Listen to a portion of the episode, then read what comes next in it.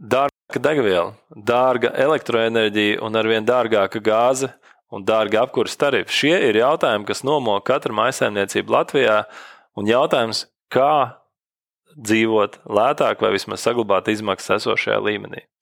Šodien man saruna ar Jānu Vīru, virši valdes priekšētāju, dos jums atbildes par to, kāda ir tendence degvielas tirgu, kas ir lētākais autotransports un kā pareizi izvēlēties nākotnes enerģijas avots.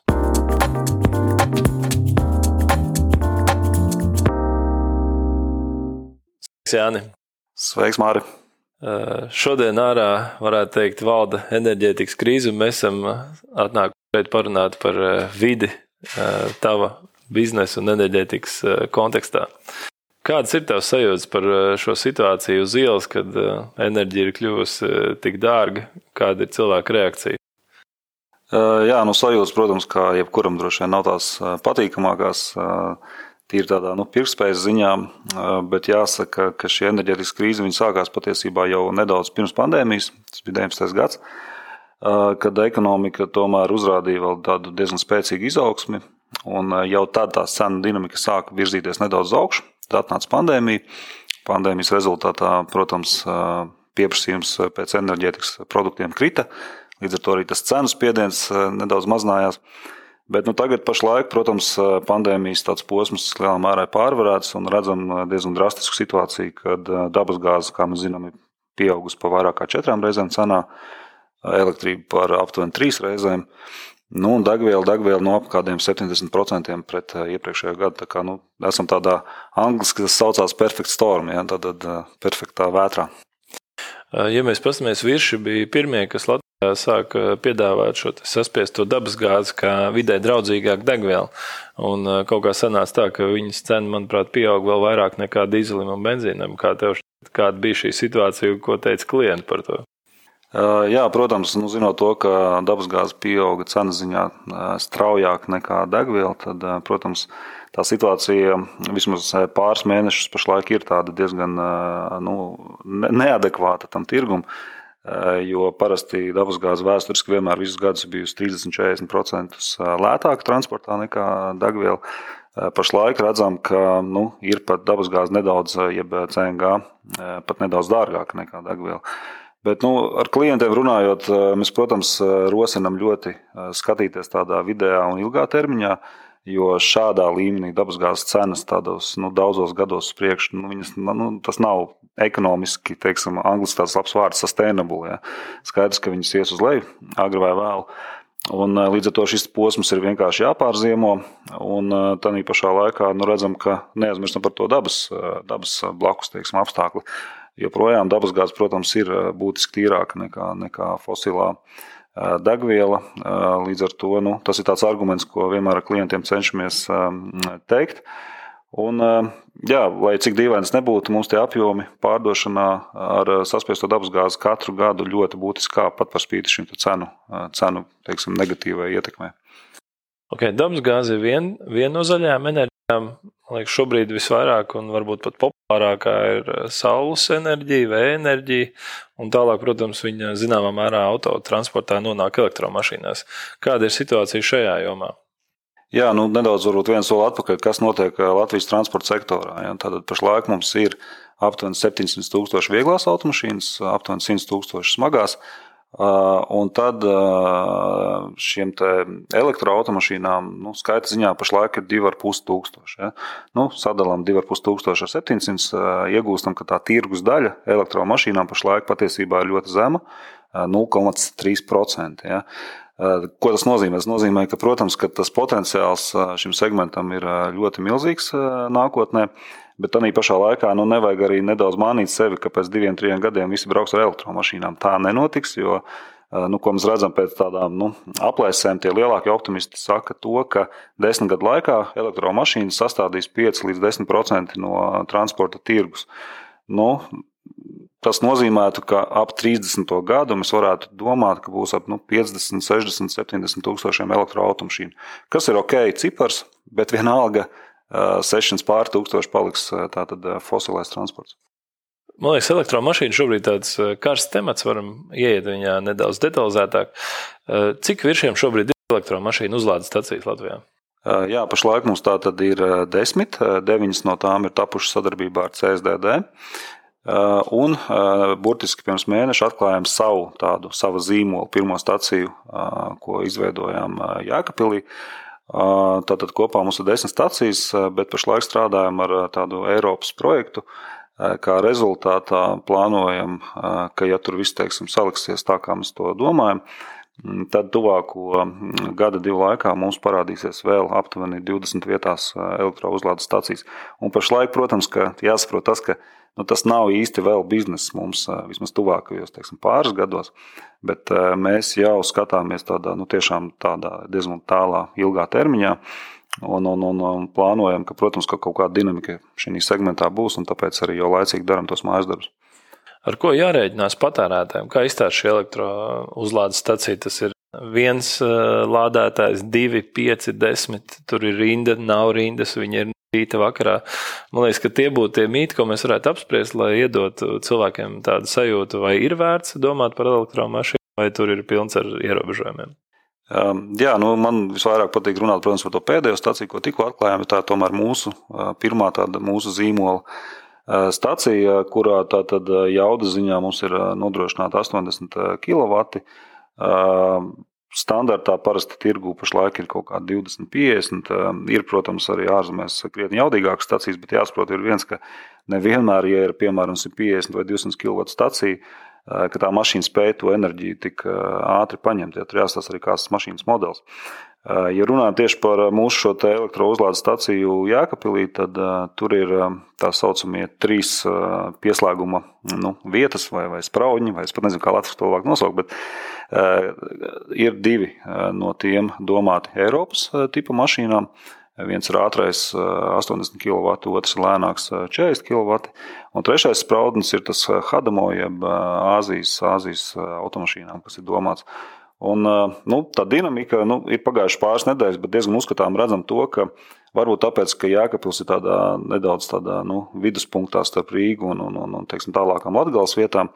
Bet diezgan uzskatām redzam, ka kā nāk piekdiena, sestdiena, svētdiena, tā uzlādes tur notiek, es pat teiktu, diezgan ok. Um, nav tā, ka, kā saka, tur tikai tukšums ir un viss. Uh, nu, darbdienās, protams, tas ir mazāk, bet nu, arī no klienta perspektīvas mēs skatāmies labi no tās uzlādes. Tur tas bizness varbūt pašlaik nav, tur baigi būtiskais. Bet uh, klients jau jebkurā gadījumā, kamēr mašīna lādējās, viņš ienāk uh, mūsu veikalā, iegādājas mūsu produktus. Tāpēc arī kaut kāds nu, angliskais vārds, tas cross-sells, tur notiek. Ja, tādā ziņā ir, ir zināms potenciāls. Cik ilgi tā uzlāde aizņem laiku? Nu, pieņemsim, ja es Nezinu, nu, kas ir šobrīd populārākais modelis tavuprāt elektromašīnām? Populārākais automašīnas modelis, nu, es zinu, ka ir Nissanam, ir, ir BMW, ne, ir Nissan Leafs. Nu, mums ir Jā. Nissan Leafs ģimenē. Mm. Pieņemsim, cik viņam ilgi prasīt šī uzlāde jūsu stācijā? Nu, tā mēs skatāmies, lai, lai tur arī jāstāsta, ka tā uzlāde notiek ātrāk sākumā, pēc tam, kad baterija tuvojas jau 100%, tad teiksim, tas laiks ir ilgāks. Bet no tās pieredzes redzam, ka nu, principā mūsu jaunajā stācijā nu, aptuveni 15-20 minūtēm tu jau vari diezgan normālu tādu apjomu uzlādēt, lai varētu turpināt ceļu un, kā saka, nepalikt kādā meža ceļā. Ja. Skaidrs. Vai ir rindas, vai tu sagaidi, ka būs rindas šajās uzlādes stācijās? Eh, es domāju, ka tuvākos gados eh, rindas, diemžēl, vai laimi nebūs. Eh, jo tomēr nu, tā dinamika, kā jau minēju, ja mums ir 2,5 tūkstoši automašīnas pašlaik tirgu, jā, viņš šis skaits palielinās pa vairākiem simtiem, gandrīz katru ceturksni, bet nu, tomēr, lai tur rindas veidotos, tur būtu jābūt tai dinamikai vēl agresīvākai. Tā kā rindas nebūs, tāpēc visi elektroautomašīnu īpašnieki noteikti var vēl izbaudīt, izbaudīt tos apstākļus, kādi pašlaik, jo nu, ilgtermiņā, protams, tur jau mainīsies tā situācija. Kāda ir Eiropas statistika, kur elektroautorāta īpašnieki šīs mašīnas. Ja tu saki, tomēr 2000 mašīnas, kā liekas daudz, 10 stācijas liekas maz, teorētiski rindai vajadzētu būt, bet viņi nav. Tad kur viņi lādējās ikdienā? Jā, tā Eiropas statistika, es neņemos spriest, vai Latvijā ir līdzīga, bet nu, vismaz Eiropā tas nozīmē, ka visticamāk arī Latvija aizies uz to ilgtermiņā. Tā statistika tāda saudabīga, tad aptuveni 40% lādē savus automašīnas mājās, 40% lādē darbā, Nu, un aptuveni 20% ir tās uzlādes, kas notiek publiskajos tīklos, kas, protams, lielā mērā ir degvielas uzpildes stācijās izveidojušās. Vai tev ir arī statistika salīdzināt, cik maksā teiksim, 100 km braucot ar vidē elektroautorātu un cik viņš šobrīd maksā braucot ar vidē dīzeļmašīnu? Jā, nu pašlaik mums tā cena mūsu vismaz jaunajā stacijā ir 29 eiro par kilovatu. Nu, jāsaka, kāda kura mašīna, bet cik, cik tur 100 km tie kilovati vajadzīgi ir. Nu, man, man liekas, kaut kāda 18, 20 vismaz Nissanam. Nu, jā, tā ap 20 varētu būt aptuveni. Jā. Nu, tad rēķinām, tie ir kaut kādi 6 eiro uz 100. Savukārt, nu, degviela pie pašreizējām cenām, kas, protams, jau ir ap 2 eiro, nu, paņemot tos pašus 6 litrus kaut vai uz 100, 100 km, nu, tad iegūstam, ka tie kaut kādi 12 eiro vai ne. Tā kā tādā ziņā, tīri, ja skatāmies no tādas degvielas, degvielas perspektīvas, nu, divreiz lētāk sanāk. Nu, pa elektromašīnām tikām skaidrībā. Atgriežamies vēl nedaudz pie CNG. Kāda ir situācija CNG tirgu? Vai tās ir tikai komerctransports, vieglās mašīnas? Kas ir šobrīd tendence, ko tu redzi no savas perspektīvas? Jā, CNG, jeb saspiestai dabasgāzē, es teiktu tā, ka ir diezgan izteikta tendence, ka tomēr lielā mērā tas ir komerctransports. Vieglais transports ir, bet viņš ir nu, salīdzinoši maziņš, jo to, to mēs arī redzam paši, ka ilgtermiņā visticamāk vieglais segments virzās uz šo elektrību kā alternatīvo degvielas veidu. Savukārt komerces transports, kas ir tātad smagie vai vidēji smagie transporta līdzekļi, nu, tur ar elektrības risinājumu pašlaik ir diezgan sarežģīti. Pirmkārt, tie ir dārgi, otrkārt, tur tomēr tās baterijas un svars un, un, un attālumi un, un uzlādes laiks vajadzīgais. Nu, tur vēl paies, teiksim tā, kaut kāds apjoms ar gadiem, kamēr tas risinājums jau būs tāds konkrēts spējīgs. Un tāpēc šī tādā posmā, nu, kas ir teiksim, aptuveni vismaz desmit gadi, es domāju, no alternatīvo degvielas veidiem tieši komerctransportā saspiestā dabasgāze ir ļoti loģisks risinājums. Un nevelti mēs redzam, ka gan loģistikas uzņēmumu vairāki mums ir, gan arī liela daļa ar atkritumu pārvaldes uzņēmumiem. Gan arī mēs redzam, ka autobusu parki virzās uz saspiesto dabasgāzi. Var arī varbūt, nu, minēt to, ka septembrī Daugopils ar vairākiem desmitiem autobusiem iestāta uz šo produktu. Tāpēc es teiktu, ka komerctransportā saspiestai dabasgāzē potenciāls ir. Un, un noteikti kaut kādus nu, desmit gadus viņš būs ļoti, ļoti ok. Un, protams, ka tā, kad tās cenas dabasgāzes normalizēsies, no nu, ekonomiski tur ekonomisti diskutē, vai tas notiks pēc gada vai, vai pusotra. Bet, principā, ja tā kopumā pieņemam, ka 23. gada otro pusi dabasgāzes cenas ja, ja tomēr stabilizēsies un kļūs mazākas būtiski nekā pašlaik, es domāju, ka tad arī tas nu, uzrāviens turpināsies šajā segmentā. Jo nav jau īstenībā, nu, kā minēja, komerctransportā daudz variantu. Ja. Nu, mums ir vai nu šis dīzeļdegvielas variants, vai arī saspiestā dabasgāze. Pēdējā izstādē, kur bijām, tur tika demonstrēta arī ūdeņraža transporta līdzekļi. Kas notiek ūdeņraža transporta līdzekļu tirgu? Vai jūs to redzat kā nākotnes enerģiju un, un tādu attīstību, vai īstenībā? Um, es teiktu, tā, ka, uh, ja mēs skatāmies uh, īso vidējo termiņu, tad uh, diezinu vai nedaudz tādā garākā, nu, kas ir pieci gadi un uz priekšu, vai pat varbūt desmit. Um, tur potenciāls ūdeņradim ir. Mēs redzam, ka Eiropas dažādās institūcijās ūdeņradis tiek ļoti būtiski, nu, ja tā var teikt, pozitīvā ziņā lobēts. Ja. Ir diezgan daudz programmas, kur ūdeņraža ražošanai tiks piešķirts dažādu veidu finansējums. Un tāpēc domāju, tādā ilgā termiņā ūdeņradim noteikti transportā ir sava loma. Tikai jāsaprot viens, ka, lai izveidotu ūdeņraža nu, ražošanu un uzpildu staciju, nu, tas ir daudzos miljonos mērāmas investīcijas. Mēs paši esam diezgan detalizēti skatījušies. Un, ja tev nav blakus tāds liels ankuru klients, nu, vislabāk jau būtu kaut kāds autobusu parks ar daudziem desmitiem autobusu, tad taisīt šādu infrastruktūru tikai uz hipotētisku, nu, pāris mašīnu, varbūt tranzītā braucošu iegriešanos mūsu stacijā, nu, tam nav nekāds ekonomisks pamatojums pašlaik. Tāpēc tur līdzīgi nu, kā viss ar olu. Ja, nu, ja tur parādās tēma, kur klienti, tad arī šī infrastruktūra sāks attīstīties. Jo patiesībā tieši tajā smagajā segmentā es pat teiktu, ka nu, tur arī diskusijas ļoti daudz, bet ļoti iespējams ūdeņradim ir pat lielāks potenciāls nekā elektrībai. Ja tomēr viņš ir kompaktāks, viņam nav tas svars tik liels, uzlāde notiek daudz ātrāk. Ja? Bet nu, jārisina jautājums par šo produktu cenu un uzlādes infrastruktūru. Skaidrs. Runājot par enerģētiku, vēl noteikti jāpiemina arī, tā, ka ir arī LPG, kas ir un LNG. Kas notiek ar šiem produktiem? Vai LPG ir draudzīgs vai nav draudzīgs veids, un LNG savukārt, es domāju, ir tas, par ko mums noteikti jāparunā Tas bija nedaudz globālākā kontekstā, kā Latvijai veiksies ar enerģētiku rudenī. Jā, jā taisnība. Nu, tātad, jā, nu, skatītājiem arī tāda CNG saspiestā dabasgāze, kas tomēr ir tādā nu, gāzveida gāze, kas ir saspiesta. Ja. LPG jāsaprot, ka tas nav dabasgāzes produkts. Tas ir propāna, butāna, nu, tāds tā kā maisījums. Ja. Tas ir teiksim, blakus produkts, tad, kad tiek ražota, tad, kad tiek ražota naftas produkti.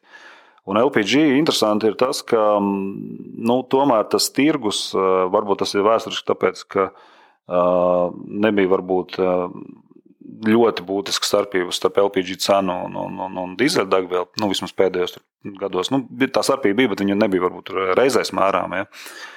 Tad tas tirgus, principā, ko mēs redzam, LPG mazinās katru gadu aptuveni par 10-11% tīri nu, Latvijas teiksim, mērogā. Uh, un uh, savukārt tagad, kad uh, atkal dīzeļdegvielas cena ir uzgājusi augšā un tā starpība starp dīzeļu un LPG tomēr ir atkal palielinājusies, nu redzēs, varbūt atkal nedaudz tas LPG būs tāds pozitīvāks. Bet LPG ir vidē draudzīga degviela?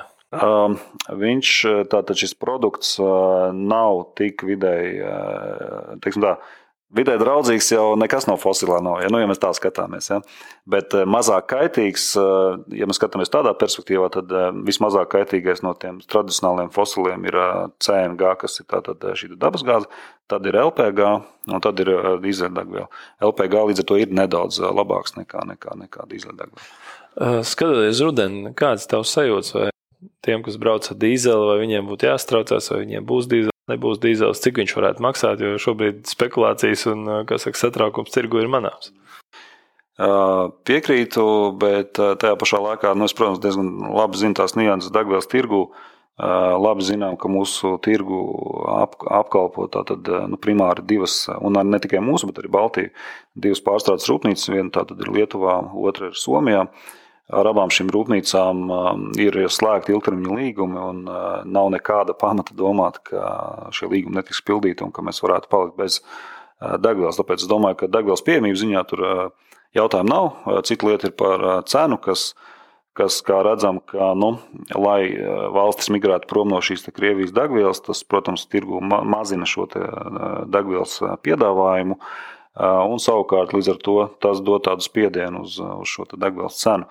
Tā kā es domāju, mēs dzīvosim diezgan augstā cenu līmenī vēl tuvākos mēnešus, pilnīgi noteikti. Bet atkal jautājums ir, protams, kas notiks ar globālo ekonomiku. Ja viņi tuvāk gada beigām sāk ieslīdēt tādā nu, recesijā, par ko visi runā, tad, protams, tas pieprasījums pēc uh, naftas produktiem var mazināties, un rezultātā arī tas spiediens uz to degvielas cenu varētu būt nedaudz uh, zemāks. Ja? Kā, bet nu, par pietiekamību es domāju, tur uztraukumiem nevajadzētu būt. Okay. Tad uh, viens no lielajiem Latvijas enerģētikas jautājumiem ir dabas gāze, un eh, mums eh, esam vienīgā Baltijas valsts, kurai vēl nav savu LNG termināļu. Eh, kāds ir tavs redzējums, kā šo jautājumu risināt, vai virš tur kaut ko dara, nedara, piedalās šajā procesā? Jā, nu, pašlaik no Baltijas valstīm gan jāpiezīmē, mums ir tāda klaipēdā termināls. Igaunijā savukārt viņš vēl ir tādā nu, attīstības stadijā, tā kā formāli pagaidām mums ir vienā tikai. Bet nu, te ir ļoti interesanta situācija tāda, ka ir jāsaprot, ka Es atkal nedaudz ar cipriem paoperēšu. Ja? Tātad, eh, kāds kopējais eh, aptuvenais Baltijas tirgus eh, patēriņš, tas ir aptuveni nu, 37, 36 terawatstundas mm, gadā. Klaipēdā ir, nu, tiek nodrošināts jaudas aptuveni 36 nu, terawatstundas, kaut kur plus mīnus. Un liktos, ka nu, forši nu, ņemam visu no Klaipēdas, visu Baltiju ir baigi droši. Ja? Bet kur ir problēma? Problēma tāda, ka mums ir ļoti normāli izveidot šie starp savienojumi starp reģionu gāzes vads, kas iet gan Polijas virzienā, gan Somijas virzienā. Polijā mums ir 110 terawatstundas patēriņš, Somijā, ja nemaldos, bija 25. Ja? Un, ko tas nozīmē? Ka par to klaipēdu jau tagad jau cīnās arī nu, lielie tirgi, ja? un, un tās jaudas tiek rezervētas arī uz citiem tirgiem, gan Somija, gan Polija, gan vēl tālāk. Tas nozīmē, ka nav jau mums īstenībā nu, pašlaik bez Krievijas gāzes, un ja nav papildus termināla, mums ir reāls risks. Ja. Un tāpēc, protams, ka tiek attīstīts tālāk šis Igaunijas termināls, kas varētu būt līdz gada beigām. Nu, redzēs, viņiem tur, protams, dažādas peripētīs ir, tur būs, nebūs, bet nu, gan jau, ka beigās varētu arī būt. Bet pat ar šo Igaunijas terminālu ir viennozīmīgi jāsaprot, ka, ja mēs kā valsts gribam nodrošināt šo enerģētisko neatkarību, arī Latvijā šādam terminālam būtu jābūt. Ja. Un tāpēc, tāpēc arī pirms jau kāda laiciņa iegādājāmies kā uzņēmums 20% skultas terminālī. Protams, arī Latvijā valdība it kā saka, nu, tātad, ka ir nepieciešams šis te termināls. Ir dažādi varianti, kas piedāvā šo terminālu. Jo nu, jāsaprot, tas, ka, lai tādu terminālu būvētu, nu, zināms atbalsts no valdības vajadzīgs. Ne pat obligāti kaut kāds finansiāls, bet vairāk uh, ka tātad, nu, par visām šīm būvatļauju jautājumiem, par nacionālā objekta statusu piešķiršanu, ja, nu, tāds nu, teiksim, birokrātiskais atbalsts. Un tāpēc, tāpēc tagad, nu, kā jau arī mēdījos var lasīt, ir divi termināli izvirzīti kā gala tādi kandidāti. Tajā skaitā arī skulte. Un, nu, mēs aktīvi strādājam, lai, lai, lai, lai, lai, lai tas lēmums tiktu pieņemts pozitīvi Eh, skultē, jo tas ir tomēr tā būtiskā priekšrocība ir tāda, ka izmaksu ziņā skultē ir būtiski lētāka nekā jebkurš cits termināls, eh, jo tur nav vajadzīga krātuve eh, LNG dēļ tā, ka pat taisno ar gāzes vadu var savienot šo terminālu, ja piestātni ar, ar, ar Inču kalnu glabātu, un tālāk no Inču kalna jau to gāzi var virzīt visos tur vajadzīgajos virzienos. Tā kā, tā kā es teiktu, ka atbilde ir, jā, ir nepieciešams šāds termināls Latvijā. Un, nu, es tikai ceru, ka nu, tas process nevilksies mēnešiem un, un varbūt arī gadiem ilgi, jo kaut kā tā sajūta ir, ka nu, tomēr vajadzētu būt to nu, politisko ambīciju, politisko mugurkaulu, lai tomēr to lēmumu pieņemtu un virzītu uz priekšu, nevis entos mēnešus runāt un diskutēt. Nu, skaidrs ir viens, ka enerģētika kļūs ar vien dārgāku un maisaimniecībai, kurai ir mašīna, kurai ir visticamāk arī veļas mašīna un vēl vajag apkuru, jārēķinās, ka visas šīs investīcijas sārdzinās katru kilovatstundu, katru degvielas litru, ko mēs patērējam. Tavuprāt, kas ir trīs ieteikumi katrai maisaimniecībai, ko tu kā degvielas un enerģijas tirgotājs varētu teikt, ok, šito darot, jūs tomēr spēsiet eh, kaut kā fiksēt savas izmaksas vai viņas perspektīvā samazināt. Jā, nu, nedaudz sarežģīts jautājums, jo redzēju, katrai, katrai ģimenei, protams, tās komponentes, cik tur tiek patērētas, un tā ir dažādas. Klasika, protams, ja, ir, ja piemēram ir segments ar privātu mājām, tad, protams, ka pašlaik nu, tāda lieta kā saules paneļi, nu, un to arī daudz, protams, saprot, ir ļoti, es pat teiktu, ekonomiski loģiski, ja, jo pie esošām elektrības cenām tā atdeve, ja kādreiz bija varbūt 11 gadi, tad tagad mēs runājam jau par periodu, kas pat var sasniegt arī zem septiņiem gadiem. Tas nozīmē, ka tā investīcija ļoti ātri atpelnās. Un, protams, otrs virziens ir šis siltumsūknis. Atkal nu, ir šī investīcija, bet, nu, ja tu kombinē saules paneļus ar siltumsūkni, tad kopumā tas efekts ir patiesībā varētu būt diezgan, diezgan ok. Bet runājot par nu, transportu, tad nu, es jau teiktu tā, ka tādai ģimenei, ja nu, ģimenei ir pieejamas teiksim, tur, vairāk kā viena mašīna, un viena domāt par pilsētu, un viena varbūt ir ārpus pilsētas, tad, tad var izskatīt variantu, ka pa pilsētu tomēr izskatīt šo elektrības variantu, elektroautomašīnu. Bet, nu, sauc man varbūt par nedaudz konservatīvu, bet no ārpus pilsētas tādos garākos pārbraucienos pagaidām es tomēr nu, vēl diskutētu, vai, vai ar elektromašīnu var tā forši pārvietoties. Jā. Man personīgā pieredze, kā mēs te apspriedām iepriekš, ar mazo Nissan Pilnīgi noteikti var veiksmīgi izbraukt pilsētu un arī no Rīgas līdz Jāgavai apakaļ. Protams, visu laiku jādomā, kur ir uzlādes stacija, bet uh, katrā ziņā daudzi šie mīti, kas bija arī manī iekšā, viņi ir tik kliedēti, sākot viņu dabā. Nu, re, tev prakses jautājums, jā. Uh, Viršiem kopumā ir tāda ļoti, varētu teikt, uh, liela misija piegādāt šo enerģiju, būt zaļiem un tāpat laikā arī pašiem būt zaļiem. Vai tu vari padalīties ar virsmu pieredzi, ko jūs uzņēmumā darat, vai jūs izskatāt autoparka nomaiņu uz kaut kādiem tiem energoresursiem, kas ir jūsu ierastās prakses šobrīd? Jā, un šajā zaļajā virzienā, ja varbūt arī nu, ESG virzienā, tur ir nu, vairākas lietas, ko mēs darām. Ja nu, par transportu runājam, jā, tad mēs skatāmies, mums ir benzīna vedēji, kas nu, konstanti brauc un riņķo līdzīgi kā lidmašīna. Tā, tā transporta līdzeklim jābrauc, lai viņš atpelnītu sevi. Tur jau mēs paši arī ejam uz šo saspiesto dabasgāzi. Un, jā, tas, kas svarīgs punkts, ko jau iepriekš nepieminēju, ka saspiestā dabasgāze, kas pašlaik, protams, ir fosilā, tas ir pirmais solis. Jo otrais solis ir šis biometāns, ja, kas ir zaļā dabasgāze. Un biometāns, un skatītājiem, kas varbūt arī nav dzirdējuši tādu vārdu, šo gāzi var saražot no atkritumiem, pārstrādājumiem.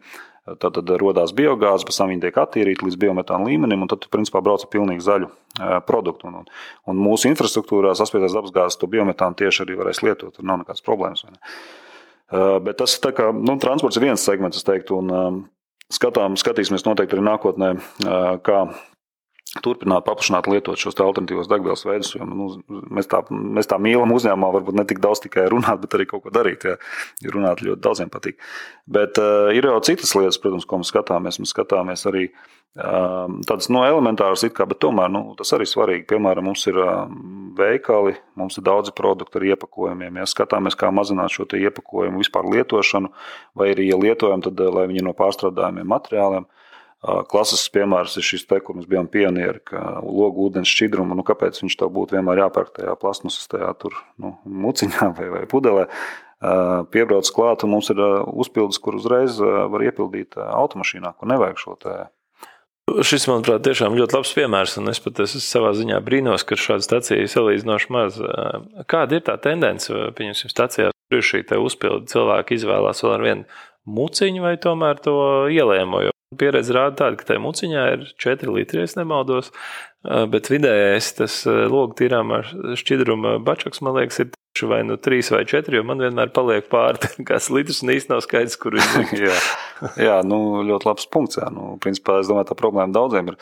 Bet nu, es teiktu, tā, ka tas ieradumam, man liekas, ir milzīgs spēks. Jā. Ir, ir cilvēki, kas, kas spītīgi turās pie tām muciņām. Uh, un, un, protams, ka tā tendence ir, ka tas izlēmējis lokšķidrums mums uh, ejot pa gadiem, nu, viņš palielinās, protams, uh, bet tas potenciāls viņam noteikti lielāks. Nu, tur atkal jādomā, nu, kā tos cilvēkus un klientus nedaudz nu, vēl vairāk motivēt un, un izglītot. Jā.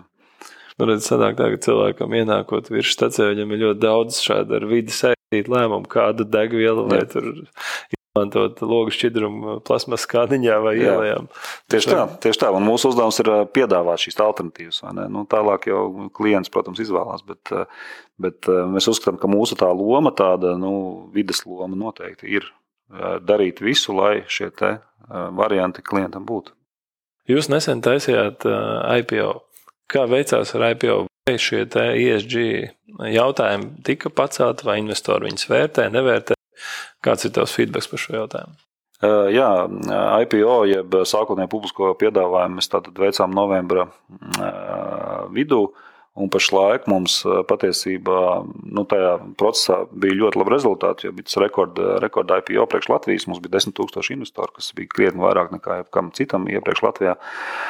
Un, eh, un, eh, lai nodrošinātu, lai tas IPO būtu veiksmīgs, protams, bija šie tā saucamie roadshow, kur mēs pats braukājos, tikos ar dažādiem investoriem, eh, pensiju fondiem, institucionāliem, bet lai arī mūsu fokus lielā mērā bija privātpersonas, bet tomēr tas stāsts par to zaļumu ļoti būtisks bija. Un es teiktu tā, ka līdzīgi kā ar banku finansējumu, ja tu nevari parādīt savā ilgtermiņa biznesa plānā, ka tu fokusēsies uz zaļām lietām, tad skaidrs, esi gatavs, ka tev būs jācieš, tev būs lielāka marža vai lielāka nodrošinājuma. Un es teiktu, ka tieši tas mūsu tas zaļais virziens, lai arī, protams, viņš vēl ir nu, salīdzinoši, varbūt tomēr nu, maziņš un viņam ir jāaug pa gadiem ejot. Bet kaut vai tā apņemšanās mūsu biznesa plānā to realizēt, tas noteikti nospēlē zināmu lomu, lai tas IPO process būtu bijis veiksmīgs. Vai tu vari padalīties ar šiem zaļajiem noslēpumiem, kas ir jūsu biznesa plānā un ko sagaidīt? Um, jā, nu viennozīmīgi vieglais segments tātad ir daudz plašāks elektrouzlādes tīkls jau tuvākos tur, divus teiksim, gadu laikā. Uh, Noteikti strādāsim pie biometāna, lai aizvietotu šo fosilo saspiesto dabasgāzi ar zaļo dabasgāzi. Tur arī ir diezgan liels darbs, bet nu, atkal tas ir kaut kāds gads, divi droši vien, līdz, līdz mēs nonākam jau pie, pie rezultāta. Skatāmies arī dažādu saules parku izveidas iespējas.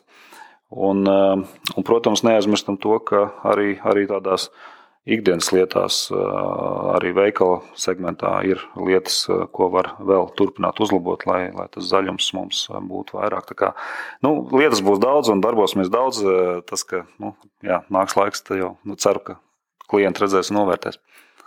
Ko tādu kopsavilkumu skaidrs, ka katram Latvijas iedzīvotājam nākotnē ir priekšā daudz lēmumu par to, kā patērēt enerģiju, vai tā būtu zaļā enerģija vai netik zaļa enerģija. Un skaidrs, ka droši vien tā, kas ir netik zaļa, kļūst ar vien dārgāk. Uh, noslēgumā viens provokatīvs jautājums tev pašam. Vai tu esi gatavs pārsēsties uz elektroautorātu tuvākajā laikā? es tev godīgi pateikšu, ka tuvāko. Nu... Nu, teiksim tā, viena, diva, divu, varbūt arī trīs gadu laikā vēl nē. Nu, man ir pietiekami gari tie pārbraucieni un komandējumi. Tur, piemēram, aizbraukt uz Viļņu vai Tallinu un darīt operatīvu un multitaskot ar dažādām citām lietām. Nu, nu ir zināms izaicinājums. Ja? Ehm, bet es noteikti, ko es varētu izskatīt, ir izskatīt ģimenē kā vienu no automašīnām šo elektromašīnu tīri tādā nu, ģimenes teiksim, transportēšanā, varbūt pilsētas iekšienē. Tas gan varētu būt. Jā. Bet viena mašīna noteikti mums, diemžēl, vēl paliks fosilē, es domāju, pāris gadus. Nu, man liekas, jā, viens no lielākajiem Gāzes tirgotājiem Latvijā saka, ka tomēr ģimenes uh, lokā viena mašīna vajag skatīties elektropriekšpilsētas, tad tas droši vien ir signāls, uh, no kur, kur ir grūti neuztvert. Tā kā varam aicināt visus skatītājus domāt par šo, jo citādi dzīve kļūst ļoti, ļoti dārga. Jā, bet vēl noslēgumā noteikti nu, es aicinātu tiešām arī valsts, valsts, valsts politiķus nu, tomēr fokusēties, pan, nu, panākt pretī ar kaut kādām vēl papildus nodokļu lietām. Papildus atbalstiem, lai šo zaļumu nedaudz nu, palīdzētu īstenot. Jo nu, zaļums tomēr pašlaik ir dārgāks nekā nezaļums. Ja, kā, nu, tur vajag papildus atbalsta instrumentus, ko es arī novēlu, lai mēs saņemam.